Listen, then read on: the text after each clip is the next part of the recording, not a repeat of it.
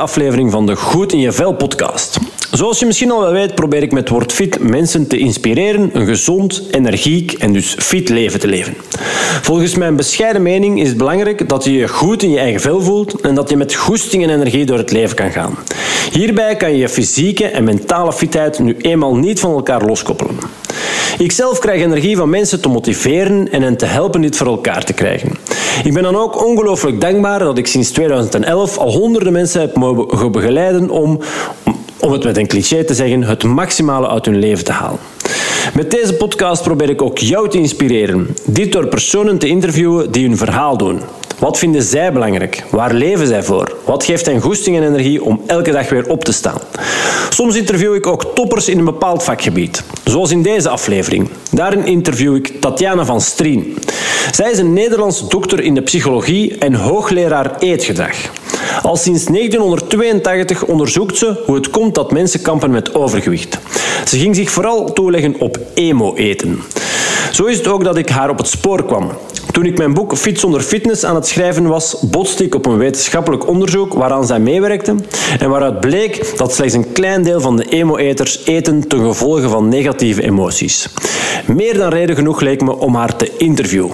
Ik zou zeggen, neem even een momentje voor jezelf en laat je inspireren door Tatjana van Strien. Alvast, ja, om te beginnen, uh, dank, hartelijk dank dat ik jou mag interviewen. Uh, ik heb u gecontacteerd omdat u uh, specialist bent in verband met emotioneel, emotioneel eten. Maar ik ga dit interview toch even beginnen met, als het voor u oké is, met dezelfde vraag die ik aan elke gast van deze podcast stel. Ehm, even vooruitspoelen om te kunnen terugkijken. Stel, jij ligt op je sterfbed. Welke dingen wil jij je dan vooral herinneren? Nou, ik ben bezig langzamerhand met pensioen te gaan. Mm. Dus ik heb nou bij mijn kamer aan het opruimen en al mijn. Uh, ja, al, wat ga ik meenemen naar huis? Uh, wat, laat ik, wat gooi ik weg? Wat geef ik aan anderen? Uh, en dan, ja, eventjes los van het werk. Het allerbelangrijkste in mijn leven zijn mijn kinderen. Mm -hmm. Dat is nummer één. Ik denk eigenlijk dat als mensen terugkijken op hun leven, dat dat voor de meeste mensen met kinderen geldt. Dus dat, dat de kinderen, dat jij uh, voort um, gaat in jouw kinderen, dat dat een heel belangrijk levensdoel is. Maar goed, als we het even hebben op mijn werk, um, dan ben ik heel tevreden. Kijk ik terug uh, dat ik een hele duidelijke onderzoekslijn had, waar ik niet van afgeweken ben. Hè, vanaf 19. Uh, 82 hou ik me al met het onderwerp bezig van uh, ja, hoe komen mensen, uh, uh, krijgen ze overgewicht en is het mogelijk om daar überhaupt weer van af te komen en hoe moet dat? Um, en ja, in 82 begon ik met mijn promotieonderzoek in, in Wageningen. En, en ja, nog steeds ben ik daarmee bezig. En uiteindelijk, eigenlijk al in Wageningen, zie ik ook terug in, in, in wat ik in de kranten zeg. Uh, zie ik dat de belangrijkste factor waarom het lijnen uh, niet lukt, of waar een gewichtsverlies niet lukt, dat dat eten bij negatieve emoties is. Dat zag ik dus al eigenlijk na mijn promotieonderzoek uh, van drie jaar. Um, en daar ben ik steeds duidelijker hard bewijs voor gaan vinden. Dus op dit moment is de gangbare behandeling ja, minder eten, meer bewegen. En ik denk dat dit voor e- mensen die een neiging hebben om te eten bij uh, negatieve emoties zoals depressie of spanning of whatever, dat een atypische reactie op deze emoties is, dat dat uh, zelfs averechts werkt. Dus dat je voor deze mensen een andere aanpak moet gaan, uh, gaan vinden. En dat, ja, dus dat je vooraf aan de behandeling moet gaan kijken: wat voor vlees heb ik in mijn kuip? Wat voor soort eter is het? En als uh, uh, ja, daaruit naar voren komt, en dat kan met, met de vragenlijst die ik heb ontwikkeld, de Nederlandse vragenlijst voor eetgedrag die, ik ben de tel kwijtgeraakt in hoeveel talen hij wel niet vertaald is. Maar hij wordt over de hele wereld in onderzoek gebruikt, maar ook, ook in therapie. Als mensen dus hoog scoren op vragen over um, eet u um, ja, bij negatieve emoties, hè, dus daar in plaats ja, vaak of altijd op uh, antwoorden, dan uh, moeten zij daarmee aan de slag. En um, ja, de onderliggende uh, oorzaak, het mechanisme onder emotioneel eten, daar ben ik vooral de laatste tien jaar mee bezig geweest. Um, dat is dat deze mensen, um, er zijn twee, misschien is het goed als ik u dan, kent u dat artikel emotioneel eten? Wat um, uh, emotional eating and match dat is open access, dus dat zal ik u ook toesturen dan. Oké, perfect. Hè, want daar, daar kunt u dan nalezen wat ik nu even kort door de bocht allemaal zeg. Ja. Want in, in, ja, in mijn antwoord ben ik niet helemaal volledig. En in zo'n wetenschappelijke publicatie die voor iedereen toegankelijk is, daar kunt u het gewoon rustig nalezen. Ja. Ehm, nou ja, goed, er zijn twee oorzaken dat deze mensen, dat daar iets met die stressreactie verkeerd is gegaan. de typische reactie op stress is um, hyperactivatie van de, um, uh, van de stressas. Dus de hormoon stressas, HPA in het kort, hypothalamic pituitary adrenal axis. Um, dus dat die in plaats van een hyperactivatie een hypoactivatie, dus dat die een uh, verlaagde stress cortisol uh, activiteit laat zien. En dat kan komen door hele nare uh, ervaringen in de vroege jeugd. Um, waaronder bijvoorbeeld emotionele of fysieke verwaarlozing. Mm-hmm. Dus dan is er echt iets misgegaan met je stressas. As. Um, maar het kan ook um, minder, um, want dit is natuurlijk een heel ernstig iets hè, wat ja. gebeurt. Overigens moet u niet uh, vergissen hoeveel mensen dit soort ervaringen meemaken. Hè? Dus ja. daar zijn de cijfers van uh, emotioneel seksueel misbruik uh, in Nederland, maar ik denk ook in België, zijn schrikbarend hoog. Ja. En dat heeft niks met klassen te maken. Het komt in alle lagen van de bevolking voor. Uh, dus uh, ja, ik geloof 1 op de 10, of misschien zelfs nog wel meer, heeft daar mee te maken.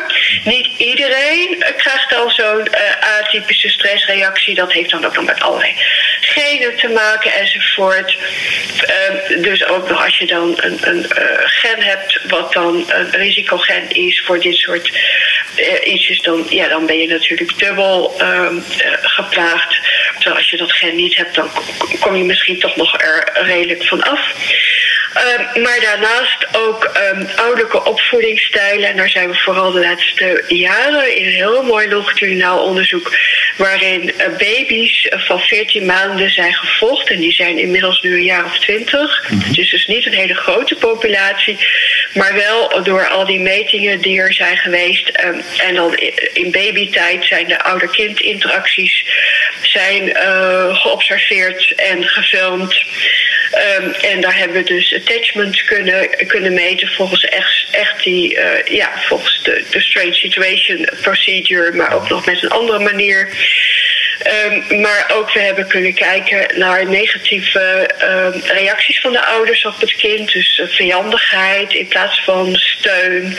He, dus als zo'n klein En alleen al het optrekken van je wenkbrauw kan door een kind, als het er gevoelig voor is, door, uh, als een ouder dat doet, als, uh, ja, als toch wel een hele negatieve ervaring worden gezien. En als dat zich dan optelt dan zagen wij dat dat dan op oudere leeftijd zich vertaalde in um, inadequate emotieregulatie. En dan vervolgens uh, alexithymia, dus dat iemand dan slecht zicht heeft over de, op de eigen emoties, daar geen woorden voor heeft, uh, die ook niet kan benoemen voor anderen. En dan uh, he, naar, op 12-jarige leeftijd, dan, dat, waren, dat is dan zelfrapportage van, van de kinderen van emotioneel eten. En dat hebben we hetzelfde mechanisme hebben ook gevonden op 16-jarige leeftijd. Dus zo'n ouderlijke opvoedingsstijl, als die niet wordt ja, weer goed gemaakt door bijvoorbeeld support of door andere zaken. Dat kan al ja, dit soort gevolgen hebben voor, voor het ontstaan van emotioneel eten. Oké. Okay. En uh, Ja, en hoe ga je daar dan mee aan de slag uh, in de behandeling? Want ja, u, u wilt mensen zo goed mogelijk uh, in het leven laten staan. Hè? Ik, ik ben dan vooral van hoe komt het? Ja.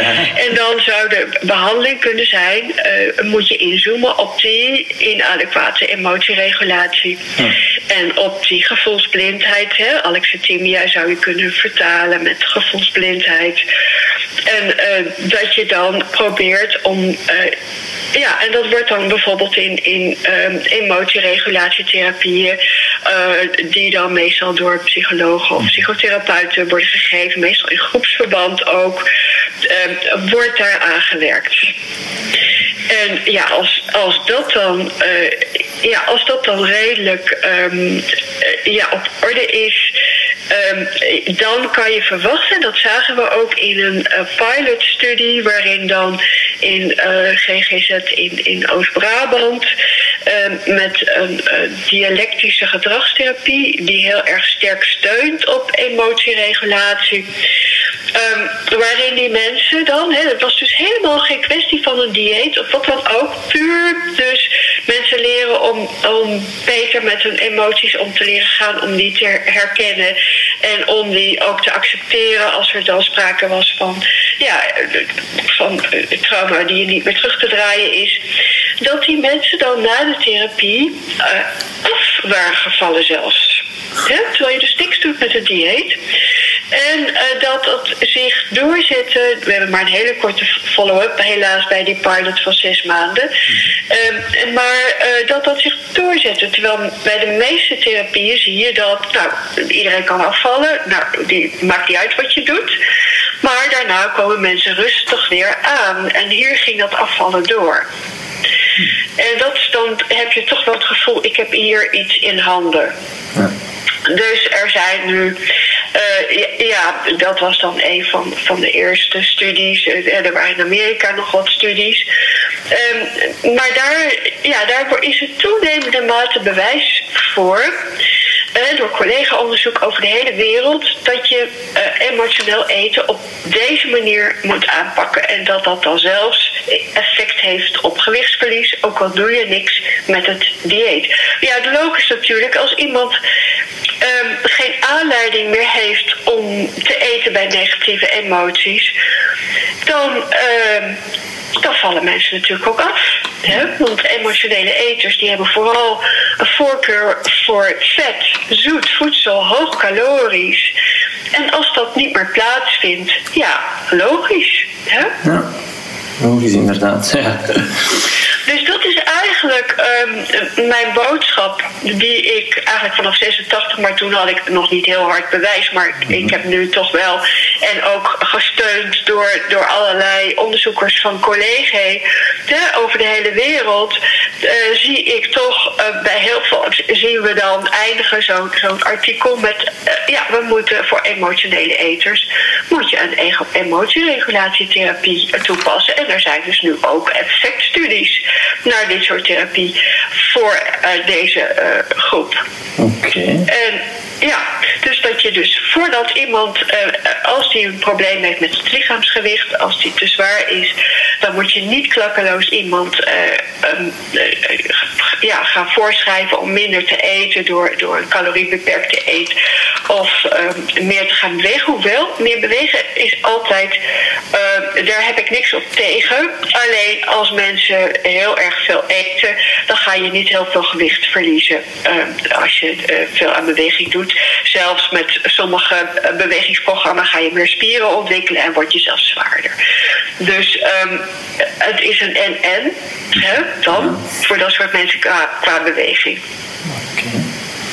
Ja, dus eigenlijk uh, de klassieke energiebalans, waar dat men eigenlijk heel fel van uitgaat van oké, dat is eigenlijk uh, gangbaar om, om daar rekening mee te houden. Wat gaat erin, wat gaat eruit uh, qua calorieën en, en dat is de de oorzaak van eventueel bijkomen of afvallen. Dat... Ja, en dat is natuurlijk de oorzaak. Mm -hmm. Het is de oorzaak. Mensen eten te veel en bewegen te weinig en worden dan zwaar. Maar dat betekent nog niet dat voor iedereen ook de therapie bestaat uit nee. minder eten, meer bewegen. Nee. Dus de oorzaak van het overgewicht ligt inderdaad in mensen eten te veel ten opzichte van dat ze verbranden. Hè? De inname is groter dan de verbranding. Maar dat wil nog niet zeggen dat de therapie ook dan uh, andersom hè, zeggen: Nou, ga jullie maar minder eten, ga jullie maar meer bewegen, dan vallen jullie vanzelf wel af. Nee. Hè, ze vallen wel af, ja. maar dat blijft niet. Want er hoeft maar iets negatiefs in het gebeur, uh, leven te gebeuren en dat emotionele eten vindt weer plaats. En dan wordt dat hele uh, gewichtsverlies weer teniet gedaan. Ja, dat is dus eigenlijk, uh, ja, dus die, dat, die, dat de therapie anders is dan wat je denkt dat de etiologie is. Want je moet dan afgaan, uh, ook, ook je afvragen waarom eten mensen te veel. Ja. Hè? Want die vraag wordt dan niet gesteld. Er wordt gewoon klakkeloos gezegd: oh, mensen hebben meer te veel gegeten. Dus ja, ze moeten maar minder gaan eten. Maar daar voorafgaand is er een vraag van waarom eten die mensen te veel? Ja. Hè? Natuurlijk heb je mensen die te veel eten omdat ze gewoon niet weten wat dikmakend is. Dus die kunnen, mensen kunnen prima op, naar een diëtist voor voedingsvoorlichting. Mm. Hè? Maar als mensen dan emotionele eters zijn, dan werkt zo'n uh, vermagingsdieet zelfs af, uh, averechts. Want ja, zelfs dat, dat dieet waar dan iedereen op heet af te vallen, dat is niet gelukt. Want dat is natuurlijk ook een sprookje, hè? Dat, uh, ja, dat er wordt gezegd in de Nederlandse richtlijnen voor, voor overgewicht staat dat ook. Hè? Er is evidence dat mensen afvallen bij een caloriebeperkt dieet, hè? van 500 kilocalorie. Maar die evidence die, die staat nergens op, want ik heb dat even uh, uitgezocht op basis van welke meta-analyses dat is gebaseerd is. En een van die meta-analyses, dat is dan na één of maximaal twee jaar, dan houdt, het op. Maar dan zat bijvoorbeeld in de tabel ook een effectstudie van vijf jaar follow-up. En als je die uh, studie erbij haalt, dan staat daar heel duidelijk van ja, ze vielen af. En um, na twee jaar dan was het meeste gewichtsverlies was alweer teniet gedaan. En na vijf jaar waren ze zwaarder dan voor het dieet. Dus dat is helemaal niet meegenomen in die tabel. Dus ja, dan zeg ik toch evidence-biased richtlijnen. Want ja, als je die lange termijn onderzoekingen niet meeneemt in jouw, jouw meta-analyse en, en daar voorbij gaat, ik weet niet of dat expres is gebeurd of per ongeluk of dat mensen zo. Je kunt ook een blinde vlek natuurlijk hebben, hè, dat je zo gelooft in in bepaald iets dat je dan iets over het hoofd ziet. Um, ja, dus dat klopt niet. Nee. Oké. Ja.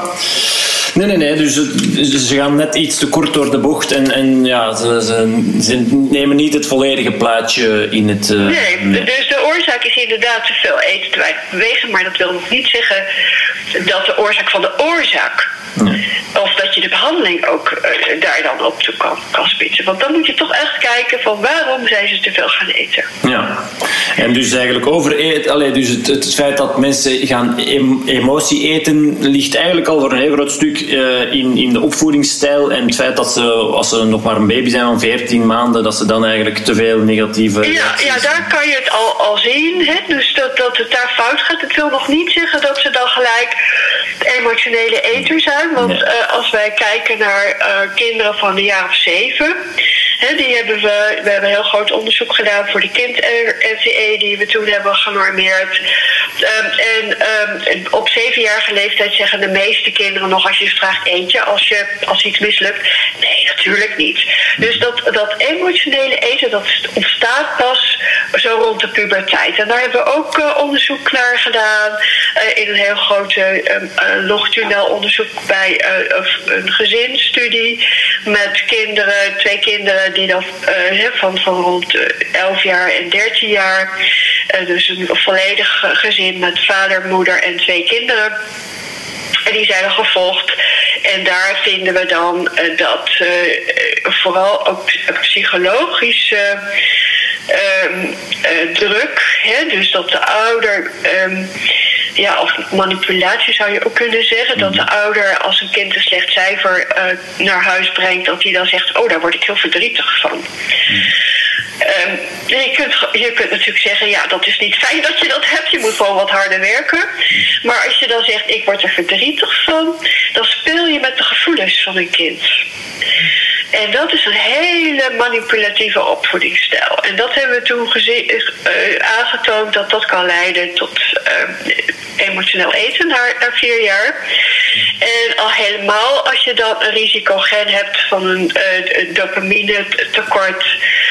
Um, dat, de, de, dat is ook een. dan, dan, dan ja, wordt dat versterkt. Ja, oké. Hoewel die risicogenen, dat is eventjes om te zeggen van ja oké, okay, erfelijk belast enzovoort, daar kan je niks mee, meer aan doen. Het nieuwste is eigenlijk dat dat flexibility genes zijn. Want in een gunstige omgeving doen mensen met zo'n gen het juist beter dan de anderen. Want ja, ze komen best wel veel voor, die risicogenen. En evolutionair moet je dan afvragen, wat is dan de evolutionaire... Ja, wat is dan daar het, het, het voordeel van als je zo'n gen hebt? Mhm. Want ja, het is een beetje raar als dat uitgeselecteerd wordt... terwijl het alleen maar negatieve dingen zou, zou voortbrengen. Maar in een goede omgeving, met goede ondersteunende ouders... dan gaan die mensen juist het beter doen... Mhm. dan mensen die niet dat zogenaamde risico wat we nu eigenlijk liever flexibility gene noemen. Ja. Oké, interessant. Dus het is toch echt wel de, de, ja, de, de rol van de ouders is hierbij echt wel heel groot. Dat is ja, die is heel groot. Die is heel groot. Ja. ja. en dat kan op allerlei manieren. Het kan natuurlijk ook het snoepje op de knie zijn. Daar zijn ook onderzoekingen naar gedaan. Dus dat een kind beloopt met voedsel. Mhm. En dan leert het als het pijn heeft om dan uh, ja, zich te troosten met iets lekkers. He, dus het is dus aangeleerd gedrag. Hè, dus um, ja. ja. of mensen hebben dus die typische stressreactie en hebben niet meer goed in de gaten wanneer ze verzadigd zijn of wat ze voelen. Of de typische reactie bij dit soort mensen doordat ze dus zo'n um, ja, een, een, een blunted stressas hebben. Hè. Dus niet meer die typische stress als dat je piek krijgt als je stress voelt van cortisol. Maar juist dat, je, dat het lichaam niet reageert. Maar daar zit dan dus echt wel uh, echt traumatische gebeurtenis achter. Ja. ja, ja. Oké, okay, um, nog even een vraagje ook. Ik, ik ben vooral uh, bij jou gekomen omdat ik in mijn boek uh, Fit zonder fitness uh, ook een stuk aan emo eten wijd. En, en um, ik haalde daarbij ook een onderzoek. Ik vond een onderzoek terug ehm, van u waaruit bleek dat slechts een klein deel van de zogenaamde emo-eters gaat eten ten gevolge van een negatieve emotie. Dat ook positieve emoties, want, want we gaan er ja, met z'n allen nogal snel van uit dat emo-eten gekoppeld wordt aan negatieve emoties. Dat, dat, ja, dat... ja, nou ja, dat is dan vaak zo dat je denkt, oké, okay, uh, als je blij bent, dan is dat toch ook een emotie. Ja. Dus dan zou dat onder emotioneel eten moeten vallen. Daar heb ik ook wel wat onderzoek naar gedaan. Ja. Uh, want ja, ik ga natuurlijk niks zeggen zonder dat ik daar evidentie voor heb. Nee. Natuurlijk eten mensen bij positieve emoties. Hè? Dat is gewoon zo. En, maar dat is heel typisch uh, gedrag. Dat doe je. Als je iets te vieren hebt, dan trakteer je. hè? En, um, ja goed, het is niet altijd zo dat mensen dan trakteren op gezond eten. Maar als mensen blij zijn, en, dan gaan ze juist voor het gezonde voedsel. Want dat heb niet alleen ik, maar ook anderen uh, gevonden, ook in Frans onderzoek. Um, dat het mechanisme of het onderliggende mechanisme van eten bij negatieve emoties en eten, uh, eten bij positieve emoties fundamenteel verschillend is. Dus um, eten bij negatieve is een atypische stressreactie. Hè, want een typische reactie op stress is dat je juist niet gaat eten. Mm. Terwijl eten bij positieve emoties helemaal niks atypisch aan. Dat is gewoon iets heel normaals. Ja. Maar ook, en dat is door meerdere ook gevonden, uh, het is niet dikmakend. Dus mensen gaan niet voor dat hele hoogcalorische, energy-dense voedsel als ze, uh, uh, als ze zich positief voelen. Terwijl eten bij negatieve emoties, dat heeft ook allerlei lichamelijke, hangt dat daarmee samen met serotonine tekort enzovoort. En dan heb je behoefte aan zoet en vet en, en, en energy-dense voedsel. Dus um, ja, ik heb er twee artikelen aan gewijd toen. En ja, andere onderzoekers die, die gaan daarop voort. En dus ik ontken niet dat mensen eten met positieve emoties, dat gebeurt zeker. Maar het, is, het, het, hoort niet in hetzelfde, qua construct is het iets anders. Even technisch gesproken. Oké. Oké. Ehm, en die vragenlijst, eh, hoe ben, hoe ben je daar... Um, hè, dus je hebt de Nederlandse vragenlijst voor eetgedrag ontwikkeld, die al in heel veel landen, uh, of in heel veel talen is, is vertaald en in heel veel landen gebruikt wordt. Um, hoe kan je daar iets meer nog over vertellen? Uh? Ja, hoe ik daar op ben gekomen destijds. Ja. Nou, ja. in de jaren 82 mm. was obesitas nog helemaal geen probleem. Uh, en in Wageningen had daar een hoogleraar, uh, had daar 6 miljoen gulden binnen weten te slepen voor uh, het onderzoek wat afgekort werd met ONO, onderzoek naar overgewicht. -hmm. En ja, dat was een multidisciplinair team. dus er zaten epidemiologen, diëtisten, biologen, mensen die ge geïnteresseerd waren in de energiehuishouding. Hè. Is die stofwisseling van dikke mensen dan ook anders dan die van mensen van normaal gewicht. En ik dan als psycholoog. En ja, we deden een longitudinaal onderzoek bij een representatieve steekproef rond Apeldoorn. En dat was representatief omdat deze Apeldoorn gemeente, dat werd qua samenstelling representatief geacht, qua sociale klasse, seks en ook allochtoon, autochtoon. voor de rest van Nederland, overigens autochtoon, dat was nog helemaal geen issue in, in, de Nederland, in Nederland. Um, en daar hadden we een vragenlijst nodig voor uh, eetgedrag. En uh, ja, er bestond wel een vragenlijst over lijfgewicht eten. Dat was ontwikkeld door Peter Herman, de Restraint Scale. Maar ja, ik ben opgeleid als psychometricus aan de Universiteit van Groningen. Ik heb persoonlijkheidspsychologie gedaan en dan is psychometrie, dus dat je weet hoe een vragenlijst uh, eruit moet zien. Mhm. En dat is dat die uh, unidimensionele schalen heeft. Dus dat één schaal slechts één ding meet. En dat kan je dan uh, uitzoeken door er een factoranalyse op los te laten op allerlei vragen. En dan hopelijk te zien van dat eh, ja, diezelfde items die dan één dimensie zijn, hè, waarvan jij denkt dat dat één dimensie is, dat die inderdaad ook op één factor laden. En van de restraint skill, er was al allerlei factoranalytisch onderzoek door buitenlandse onderzoekers op gedaan. Die bleek multifactorieel, dus die bleek allerlei zaken te meten. En eigenlijk als je die vragenlijst bekijkt, kun je dat ook wel op het oog zien. er zaten vragen in over gewichtsfluctuatie. Er zaten vragen in over overeten. Doe je, voel je schuldig nadat je hebt overgegeten. En er zaten ook vragen over lijden in. Dus uh, hoe vaak doet u aan de lijn? Of um, eet u um, met het oog op uw lichaamsgewicht, dat soort vragen. Dus ja, dat was dus niet oké. Okay. Nou, bovendien was ik eigenlijk al vrij het begin van, van mijn periode in, in Wageningen. Het is niet zoals nu, hè, zo'n promotieonderzoek dat alles kant en klaar al voorgekoud is. Nee, ik uh, nou ja, ga maar een vragenlijst construeren en zie maar wat je dan gaat doen. Dus toen was ik, uh, ja, was ik drie theorieën tegengekomen die er toen waren, die alle drie ook, waar heel veel onderzoek naar werd gedaan. Namelijk de oudste, dat is de psychosomatische theorie. Uh, dat is dan dat mensen gaan eten bij negatieve emoties van Hilde Broeg. Ik weet niet of Hildebroeg u iets zegt, maar dat was in de jaren tachtig echt een heel belangrijke naam. Ook met betrekking tot anorexia nervosa, de Golden Gate en zo. Dat waren boeken die heel veel gelezen waren, echt bestsellers ook waren. Ja. En dan uh, de extraliteitstheorie. Dat is dan de theorie dat mensen gaan eten als ze eten zien. Dus in plaats van dat ze letten op hun honger en verzadiging, op hun interne uh, gevoelens van honger en verzadiging, dat ze heel gevoelig zijn voor prikkels van buiten. Dus ja, die drie theorieën waren. En ik dacht dan van, oh, ik vind het wel leuk om, om te kijken welke theorie nou de meest, uh, ja, meest uh, evidentie voor is. Dus dan, als ik een vragenlijst ontwikkel, dan moet ik die drie um, eetstijlen, waar, waar dan, die dan centraal staan in elk van die the drie theorieën, daar moet ik goede unidimensionele schalen voor hebben. Dus ja, al dus um, gedacht en al dus gedaan. Nou is dat niet zo heel simpel hoor, zo'n vragenlijst dat je die even in één achternamiddag hebt. Dus daar, dat, daar heb ik mijn hele, ja, drie jaar ben ik daarmee bezig geweest. Van eerst bedenken van de vragen, um, er weer vragen bij doen, nog een keertje afnemen. Hoe zit dat met de factorstructuur enzovoort. Tot ik dan aan het eind van die drie jaar dan die Nederlandse vragenlijst voor eetgedrag, die dan uh, gelijk in het Engels is gepubliceerd in International Journal of Eating Disorders in uh, 86.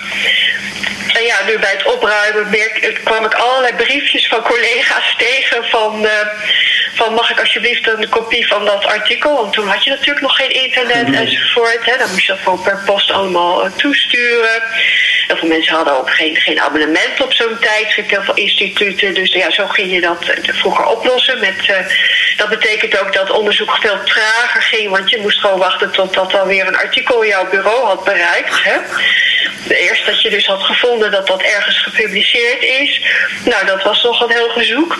En dan vervolgens dat je dat artikel op je bureau krijgt. Maar goed, toen waren er al gelijk, werd er een Duitsstalige vertaling gemaakt. En die Engelstalige vertaling was er al, maar een Franse vertaling kwam al vrij snel.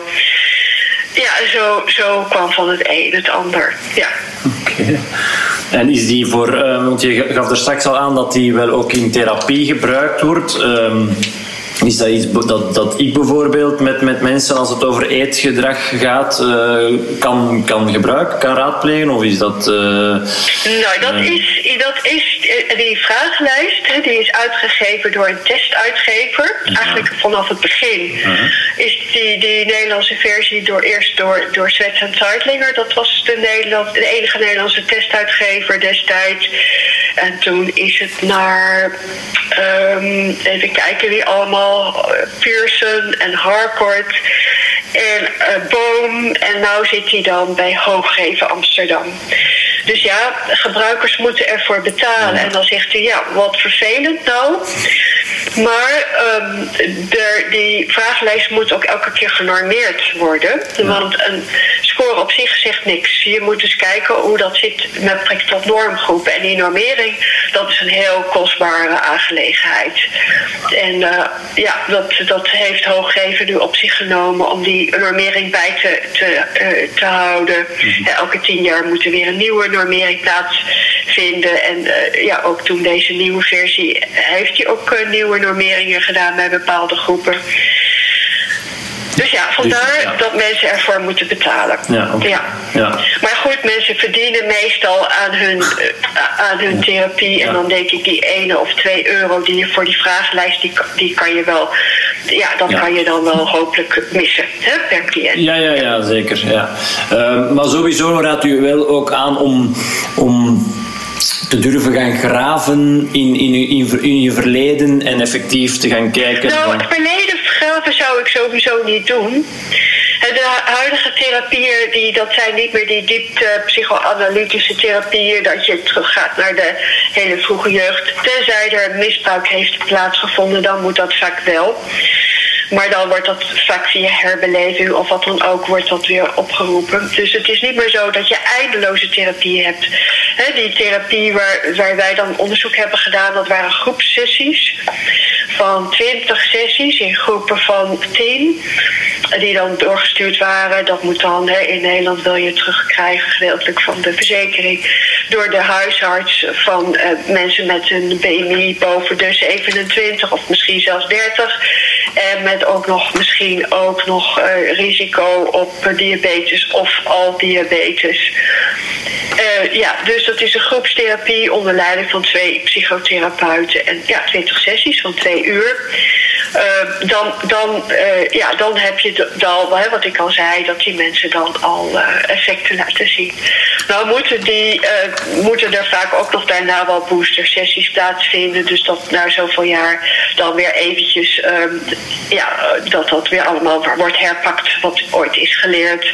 Hè, want mensen vergeten weer snel, als je weer in je eigen omgeving, dan kan je weer snel terugvallen. Dus dat, dat moet dan wel om de zoveel tijd, moet dat dan ook plaatsvinden. Ja. ja. Het, is interessant dat je zei daarnet van in 1982. Ehm, ik ben geboren in 83. Ehm, maar ja. dat is nog niet. Allee, wat ik, uh, het is maar hoe je het bekijkt, maar nog niet zo heel lang geleden was, was obesitas gewoon nog geen probleem. Nee, dat, dat was ook eh, bijvoorbeeld. Um, op een gegeven moment had ik een artikel ergens, ik weet niet meer wanneer. En toen bleek die, dat breekpunt van uh, overgewicht, dat was toen ik begon, 26 en 27. En ik weet niet meer wat voor mannen het gold en wat voor vrouwen. Je had een apart breekpunt voor mannen en voor vrouwen. Dat kan ik wel weer nagaan, maar ja. goed, dat is nou niet relevant. En dat was opeens verlaagd naar 25. Okay.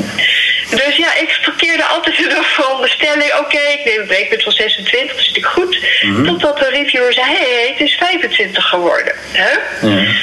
En uh, dat, de, ja, de kwade tongen beweren dat daar de dieetindustrie achter zat. He, dan heb je nog weer een grote groep waar je je spullen aan kwijt kan. Uh, en opeens allerlei filmsterren die dan uh, een normaal gewicht hadden volgens de oude criteria opeens waren, hadden overgewicht. Nu was natuurlijk ook de norm, schoonheidsideaal was in de jaren 50 heel anders dan nu. He, dus als je kijkt naar, naar Marilyn Monroe, wat, wat toen een schoonheidsideaal was, die had toch, ik, ik geloof een maatje 40 of 42 mm. of zoiets. Hè? En je had zelfs ook, uh, ja, Susan Bordeaux heeft daar wel een heel mooi boek over geschreven. Pillen om wat dikker te worden dan in de zomer. Hè? Dan ging je dus niet voor de zomer badpak slank worden, maar juist een badpak een beetje mollig worden. ja. En, de, ja, en een echte gezondheidsgevaar. Um, dat zit hem ook niet rond die grens van 25. Hoe vaak met, hoewel mensen vaak zeggen, als je eenmaal boven de 25 zit, dan is natuurlijk, uh, als je niet oplet, ben je zo boven de 30. Hè? Hm. Maar het echte gezondheidsgevaar, dat zit toch vaak toch wel boven de 30 of zelfs boven de, nog ietsjes hoger.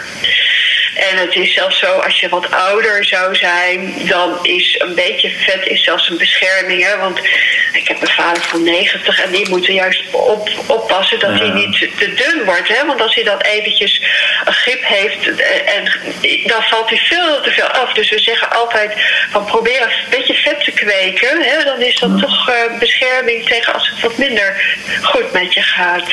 Ja. Dus ja, er is een hele discussie wel ook over gezondheid en, en BMI en of dat wel klopt, hè, die, die, die BMI van 25, of dat gelijk ook met allerlei gezondheid en, en ook met die BMI boven de 30, daar is ook een hele discussie of dat yo-yo uh, misschien niet slechter voor de gezondheid is dan een stabiel overgewicht. Ja, daar heb ik ook uh, ergens al, ik denk ook in mijn boek even kort aangehaald. Ik weet nu ook niet, ja. niet welk onderzoek of zo, maar inderdaad dat het wel ergens is aangetoond dat dat, dat jojo inderdaad slechter zou zijn dan, dan ja, heel, kijk, heel natuurlijk als mensen een BMI van 35 hebben ja. en ze hebben diabetes, dan hebben ze echt ja. een probleem.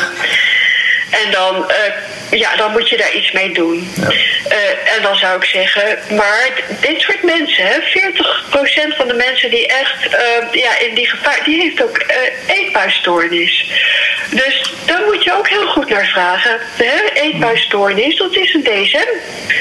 stoornis, een stoornis in de, di in diagnostiek van de psychiatrie. Ja. Dus twee keer per week een eetbui uh, met controleverlies, of ik geloof zelfs één keer per week, uh, één keer per week is het al, dan, val je in de, dan val je in de psychiatrie. Dus dan, dan, moet, dan moet je echt iemand doorverwijzen naar een psychiater. Ja. ja. Oké. De, de, de, trend dat je zegt inderdaad, uh, en ik denk ik, heel veel jonge mensen dat daar toch wel um, ja, echt veel last van hebben. En je zegt het schoonheidsideaal is zo hard veranderd. De jaren 50, uh, Marilyn Monroe haal je aan. En nu, ja, de social media, de, commerciële tv is er natuurlijk niet, ja, niet allee, ja, geen positieve bijdrage, denk ik. Nou ja, er is natuurlijk in de, als je kijkt naar de reclame, is er natuurlijk, is, zitten mensen toch wel echt ja, in een heel rare situatie. Dat je aan de ene kant reclames hebben die afslanken propageren. Van nou, doe maar dit, koop maar deze fitnessapparatuur. Mm -hmm. Terwijl je aan de andere kant heel erg dikmakende bonbons hebt en weet ik wat allemaal. Hè?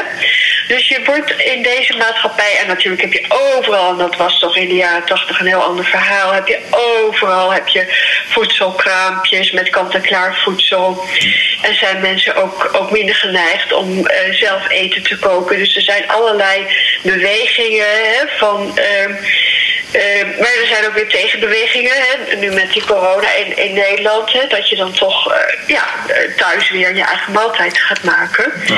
En dat je dan probeert verse groentes te gebruiken dicht bij huizen. Dus je krijgt ook wel weer een tegenbeweging. Aan de andere kant, met die corona zijn mensen heel weinig zeker. Ja, in Nederland kon je gelukkig nog een frisse neus halen. En heb ik zelf bijvoorbeeld heerlijke lange wandelingen gemaakt van 15 tot 20 kilometer in mijn buurt. Ik woon echt in een hele mooie omgeving van Nijmegen, waar je echt kan zwerven uh, door, door kleine bospaadjes. En waarin je die corona even helemaal kan vergeten. En ook verder niemand tegenkomt, dus ook veilig bent hè, voor, voor besmettingen. Maar ja, er zijn ook mensen die de hele dag op een stoel hebben gezeten en die dus behoorlijk wat pondjes eraan hebben gekregen. Die dan nu met mannen mag, moet proberen dat weer kwijt te raken. Uh, ja, dus ja. Ja, inderdaad. Dus uh, ik denk dat we daar ja, een groot ja, zo'n beetje mensen heel, allee, dat het, ja, zoals jij aangeeft, hè, dat is heel gevarieerd. Hè. De ene mensen gaan door de hele situatie nu juist gezonder eten, meer thuis eten, inderdaad zelf in een potje koken. En anderen ja, gaan gewoon uh, nog meer in de zetel zitten en nog meer comfortfood eten en, en niet zo gezonde dingen. Ja. Ja, en waarschijnlijk die laatste groep, dat die sowieso al de neiging om eerder naar de chips en de, en de vette chocola te gaan. Hè? En, en het is natuurlijk ook een tijd, tenminste, ik heb de eerste tijd, en we krijgen straks weer een golf. Uh, ik vind, vond mijn zoon dus anesthesist, dus die, en mijn, schoondochter, die we zitten ook met coronapatiënten. Mm-hmm. En toen er dan te weinig beschermingsmateriaal was. Hè, dat is dan weer dat jouw kind nummer één is. Ik heb echt uh, paniekaanvallen gehad. En de enige manier waarop ik daarmee omga, ik ben geen emotionele eter, is dat ik gelijk om acht uur de deur uitloop. Niet hard ga lopen, maar gewoon de natuur inloop. En dan gelukkig, ja, eerst zag wel hoe het de natuur langzaam groen werd, hoe de zwanen uiteindelijk vier kleine jonge zwaantjes kreeg enzovoort. En dat je dan de gedachten weer even kan verzetten. Ja. Dus dat was mijn manier van daarmee omgaan. Maar dit is natuurlijk een hele moeilijke um, uh, tijd waar vooral, uh, want emotioneel eten dat gebeurt vaak bij vage angst en die corona, dat is iets vaags. Mm -hmm. hè? Ja. Je hebt er geen controle over. Hè? Mm. Uh, is er iemand langs jou heen gegaan die misschien corona had? Oh jee, iemand in de supermarkt kwam te dichtbij, maar heb ik nu corona? Hè? Weet je, ik heb iets aangeraakt, had ik op een gegeven moment in het begin. Oh jee, nou moet ik snel mijn handen wassen, maar er is nergens mogelijkheid, weet je wel zo. Ja. Oh, dan heb ik mijn gezicht aangeraakt. Oh, dan krijg ik het ook, weet je wel. Ja. Die, dat soort spanning. Ja. ja. Dat leidt dus vaak, vaker tot emo-eten dan, uh, dan echt een concrete... ja, ja de duidelijke emoties, dat, er is ook een hele discussie van die vragenlijsten. Meet hij wel, maar dan wordt er iets niet zo vage angst. Hè? Dus de, de, je moet echt iets, als je het in het lab wilt vinden, dan moet je een ernstige stressor. Wij doen dan de Trier Social Stress Test. Dus dat je voor een publiek een toespraak moet houden. Um, hè, en dan krijg je dus die, die, die spanning waar je geen controle op hebt. En die ontzettend uh, heftig is. Want afgaan voor het publiek, dat is een van de erg, ergste dingen die je kan overkomen. Mm-hmm. En gewoon maar ja, een zielige film laten zien, dat, dat, dat helpt niet. Dan heb je niet de goede uh, genoeg spanning opgebouwd. Dus dan gaan mensen echt niet meer eten als ze emotionele eters zijn. Nee. Ja. Oké. Okay. Ja, geen zielige film. nee, nee, nee. Geen zielige film, dat is uh, mooi, uh, mooi omschreven. Nee, nee, dus dat... Ja, kijk, ik bedoel, daar kan je ja. ook misschien, misschien naar voor voelen, maar de meesten denken, ja, dat is niet mijn leven. Hè? Ja, ja, ja. ja. Tenzij het heel dicht bij huis komt, dat gaat over je eigen situatie, die, waar je dan iemand anders ziet die hetzelfde meemaakt, dan is dat weer een ander verhaal. Ja. Oké, nee. Dus uh, wat ik ook begrijp van u, dat, dat voor jou wandelen uh, enerzijds uiteraard een vorm van beweging is. Uh, zeker als je wandelingen van 15 tot 20 kilometer soms durft te, te gaan ondernemen. Ja. Maar dat het zeker ook een, een, methode is om je gedachten te verzetten en dat dat toch ook wel. ja. ja, nee, dat was in, dat, dat in eerste instantie. Daar ben ik sowieso altijd al iemand van veel bewegen. Dus ik, ik woon 8 kilometer fietsen van, van mijn werk. Dus ik fiets sowieso elke dag 16 kilometer. Dat heb ik mijn hele leven gedaan. Ik heb ook niet eens een auto. Okay. En dan, ja, hier in Nijmegen heb je echt hele goede fietspaden. Uh, en kan ik door een mooi park fietsen. Dus het is ook nog leuk. Hè? Dus ja, wil je ja. mensen aan het bewegen krijgen in zo'n stad, dan moet je het ook leuk maken voor mensen. Niet te gevaarlijk langs de snelweg met ra razende auto's om je heen, waar je, waar je een helm op moet enzovoort. Maar echt um, op een relaxed fietspad waar je, ja, waar je niet echt elk moment moet opletten en waar je dan uh, in het groen bent. Uh, groen is ook heel belangrijk, hè? groene omgeving. Ja. ja, heb ik ook aangehaald inderdaad in mijn boek. De, het belang van groen op, ja. Ja, om je goed te voelen, inderdaad. ja, ja, en ik denk dat er natuurlijk, als ik in Nederland kom, er zijn nog wel andere redenen waarom ik graag in Nederland kom. Ook, ook omdat jullie zo, zo open vaak zijn en, en gewoon zo ja, wat extraverter dan, dan wij Vlamingen, wat, wat introverter. Maar um, wat we ook echt effectief opvalt, uh, wat jij zelf aangeeft, uh, de, de goede, brede fietspaden, het feit dat, dat in jullie cultuur gewoon zit. Hè. Ik denk dat er heel weinig Vlamingen, het zal meer en meer zijn, maar als ze acht kilometer van je werk rijden, uh, ja, ik vind het gewoon heerlijk dat jij zegt van, ik heb zelfs geen auto. Voor jou is het precies een, een no-brainer om gewoon, ja, je neemt de fiets. En, en, maar dat is ook wel een stukje te maken met de goede infrastructuur, zoals, zoals je zelf aangeeft. Hè. Hier in Vlaanderen is daar echt nog wel heel veel werk. Um, ja, ja, ja, nee, want als je geen goede fietspaden hebt, als het gevaarlijk is. Ik heb mijn kinderen ook, ja, want dat is natuurlijk dan, daar begint het dat je dan die auto nodig hebt om je kinderen naar school te brengen. Dat was natuurlijk wel een hele tour. Van achterop iemand en twee naast jou. Uh, en toen was het nog minder goed gesteld met die fietspaden dan nu. Dus ik heb ook wel acten zitten uithalen, uh, uitstaan. Uh, die, die kinderen die dan onbeschermd. wij zijn dan ook geneigd om, om geen helmpjes op te doen. Dat begint nu trouwens wel ja. Steeds meer zo te zijn. Dat je toch ziet dat kinderen wel helmen op hebben. En dat vind ik ook heel verstandig eigenlijk. Ja, ja, ja. ja. Oké. Okay. Ja. Alright, nee, super. Goed. Uh, ik denk dat, dat we wel heel wat dingen besproken hebben die, uh, ja, die heel interessant zijn voor de luisteraar. Ehm, kunnen, ze, kunnen ze misschien nog, um, ja, ik weet niet, um, ik zeg dat jij ook een, een boek hebt geschreven ooit. Ja, afvallen op maat. -hmm. Dat is bij Hooggeven uitgekomen. Dat was al in 2007 bij Boom. Maar Hooggeven heeft een vernieuwde druk. Ik geloof 2017 was dat uh, uitgegeven met de allernieuwste. Oh, daar staat ook al die onderzoekingen in. Uh, niet over de allerlaatste met die, uh, die longitudinale onderzoek bij, bij babytjes. Um, die staat trouwens ook niet in dat, um, in dat open access artikel wat ik even mee ga sturen. Ja. Want ja, dat is heel recent. Maar ik kan wel even ja. een uh, pdfje daarvan uh, doorsturen, denk ik. Mhm. Want ja, ik heb eentje met borstvoeding en eentje dan met, met parenting. En we zijn nu bezig te submitten, maar dat kan ik niet opsturen. Dat mag niet. Hè? Als je iets submit, dan mag je het niet al al uitgeven uh, over attachment. Maar daar vinden we precies hetzelfde. Ja.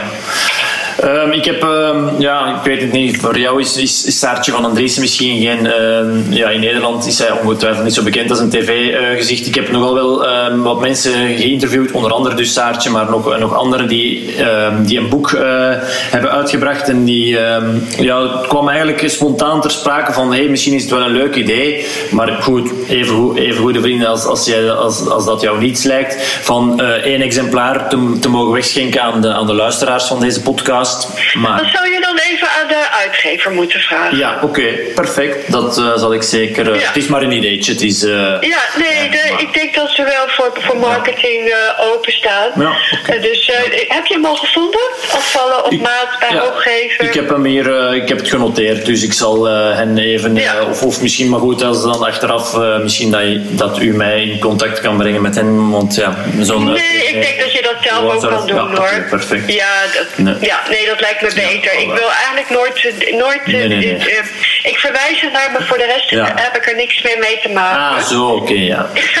Nee, ook met die vragenlijst, dat doet allemaal hoog. Ja. Ik krijg heel veel vragen van can you authorize? Maar Ja. in translation zei ik, ga naar Nee. hooggeven, Ja. die regelt dat. Eh, Ja. En eh, ja, Nee, nee, begrijpelijk. Wat meer nee durven zeggen in het leven is ook, denk ik, een belangrijk eh, en een goed advies. Om, eh, en heel veel mensen hebben daar nogal wat moeite mee om, eh, ja, en zijn nogal geneigd om altijd op alle vragen die ze krijgen, op altijd ja, ja, ja te zeggen. Oké, ik zal dat wel doen, ik zal dat wel doen. En ik denk dat dat ook eh, eh, wel... dat doen de Nederlanders misschien ook weer meer. Weet Ja, nee, die- ik denk dat ook daar inderdaad de Vlaming nogal heel snel geneigd is om, ehm, om maar voor iedereen goed te willen doen en eh, op elke vraag die hij of zij krijgt. En natuurlijk wil ik voor iedereen goed doen, maar Tuurlijk wel. soms is goed doen niet, niet Nee, nee. altijd overal ja op zeggen. Hè? Dus, Zeker eh, en ja. vast. Helemaal akkoord. Nee, maar ik denk dat die uitgever daar open voor staat. Zeker als je dan eh, er, er uitgebreid naar verwijst Ja. ook. Hè? Want Ja, dat is natuurlijk altijd wel iets. Een tegenprestatie zijn ze, dat moet als een soort marketing toch gezien Nee, goed, maar ik zal het, eh, ik zal het navragen en ik zal het in, in de outro van dit interview ehm, vermelden. Als het effectief, ehm, als het kan en mag, dan, dan zal ik het zeker ehm, ja, in, de, in de outro van dit interview ehm, ja, verwijzen dat, ze, ehm, dat de mensen, de luisteraars, eh, eventueel een exemplaar kunnen winnen. Al dan niet, goed, geen enkel probleem als het niet zo is. Eh, dat, eh, dat, dat zien we dan wel. Nee, goed, ja. Dus ik zal nog eventjes dat ene uit dat overzichtsartikel in het Engels is dat. Ja. Zo, heb jij mijn oratie? Die staat ook gewoon op internet. Die kan je gewoon vinden. Hè? Oké. Emotioneel eten van de VU. Ja. Mijn oratie als hoogleraar daar. Ja, dat zal ik, eh, ik zal er ook een, een linkje bij dit, eh, bij dit interview eh, bijzetten, inderdaad. Ehm, Oké, ehm, om af te sluiten stel ik nog altijd de vraag van, stel, oké, ehm, eruit van uitgaande, hè, je fit voelen, fit zijn, dat dat, ja, dat dat betekent dat je je gezond en energiek voelt. Jij geeft aan, ik ben bijna aan mijn pensioenleeftijd, maar goed, maakt niet uit. Hè. Op, op, op een schaal van, van 1 tot 100, hoe gezond en energiek voel jij je op dit moment? Ehm, ja, het is natuurlijk heel warm. Ja, oké. Ja, ja, dat, is, eh, dat klopt. Dus wat minder, wat minder. ja, die hitte dat is eh, niet te houden hier. Ik weet niet of jullie in België dat ook hebben, die Ja, hittegolf. oh, oh, ja. vandaag heb ik heb geen, minder, maar ja. geen airconditioner en mijn werk dat zou officieel cool moeten zijn, maar is het ook helemaal niet. Dus dat is even een minpuntje. Maar voor de rest dat ik gewoon eh, kan lopen wat ik wil. Hè, zomaar eh 15 tot 20 kilometer zonder enig probleem. Eh, dat is natuurlijk geweldig. En eh, dat ik eh, vrolijk ben en, Uh-huh. en blij. Eh, dus eh, ja, daar heb ik wel een hele hoge score op die schaal. Ja. Oké, super. Dankjewel. Dat is heel leuk om te horen, trouwens. Eh, nee, goed. eh, dan zou ik jou, eh, ja, om af te sluiten, nog heel hard willen bedanken voor dit eh, Ja, en wat ga je er nu mee doen? Eh, jij gaat er een verslagje van maken of hoe ga je dit doen? Ehm, ja, ik, ik eh, post het op alle ehm, podcastkanalen, eh, Spotify, de podcast-app van Apple. Ehm, en inderdaad, dat is nog een, eh, een to-do-ding. eh, de interviews die ik, eh, die ik heb afgenomen, zou ik eigenlijk Want nog heel... zou ik dan wel graag van tevoren even willen zien voordat jij dat doet. Ja. Dat jij dat kan, kan doen, dat je het me even kan opsturen. Ja, eh, eh, wel, dus maar een verslagje. Op, tot, tot, tot nu toe ik heb ik nog maar drie eh, afleveringen. Op, bij het moment van, van spreken van dit interview heb ik nog maar drie afleveringen van de podcast online gezet. En heb ik, het, heb ik er, van die drie heb ik nog geen verslagje geschreven. Dus heb ik gewoon echt het audiofragment ja, als podcast. ja, dan ben ik wel benieuwd welk au- audiofragment je ja, maar dat zal ik jou zeker, zeker, zeker bezorgen Ja. ehm, voor Ja, ik het eh, ja, naar buiten breng. Nee, nee, zeker en vast. Goed. Ja, het is wel zo. ehm, het, ik ben binnenkort even op sabbatical. Dus even zes weken waarschijnlijk off the grid. Oké. Eh, van eind deze maand tot begin oktober. Dus dan kan ik niet reageren. Want eh, ja, Geen ik heb probleem. geen wifi waar ik, waar ik dan eh, ga zijn. Dus eh, ja. Geen, geen probleem. Nee, nee. eh, eh, ik, heb, ik, ik, ik werk zo dat ik probeer vooruit te werken en dat ik eh, op, op voorhand wel wat interviews probeer af te nemen.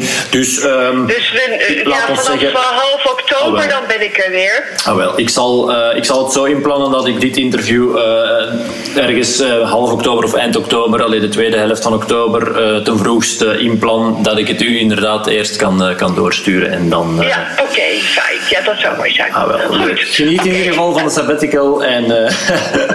Ja, wil je nog dat ik dingen doorstuur? Of zeg je van, nou, ik vind het zelf wel... Eh, ik zal wel, eh, nee, nee, ja, goed. Ik heb jouw eh, mailadres. Moest ik echt heel dringend nog vragen hebben. ik, ik probeer ja, jou niet dus het, niet even, te veel last te vallen. Ja. materiaal, denk ik, hè? Ja, Ah, wel, dat mag wel, zeker en vast. En ik heb, maar goed, ik heb ook Google, dus ik weet wel wat dingen te vinden. Ja, alles staat op internet. Ah, wel, perfect. En zo'n open access, daar kan je gewoon bij. Ah, ja. Super. Oké. Nog- eens bedankt en nog een heel prettige dag. ja, succes. Oké, dankjewel. Met jouw eh, levensmissie. Dank Mooie je. missie. Dankjewel. Goed. Goed, prettige dag. Bye. Ja, dag. Ziezo, hopelijk heb ook jij weer al heel wat opgestoken van dit interview. Zoals in de intro al aangegeven kwam ik Tatjana van Strien op het spoor toen ik mijn boek Fit zonder fitness aan het schrijven was. Ik wijd in dit boek dan ook een deel aan het gegeven emo-eten.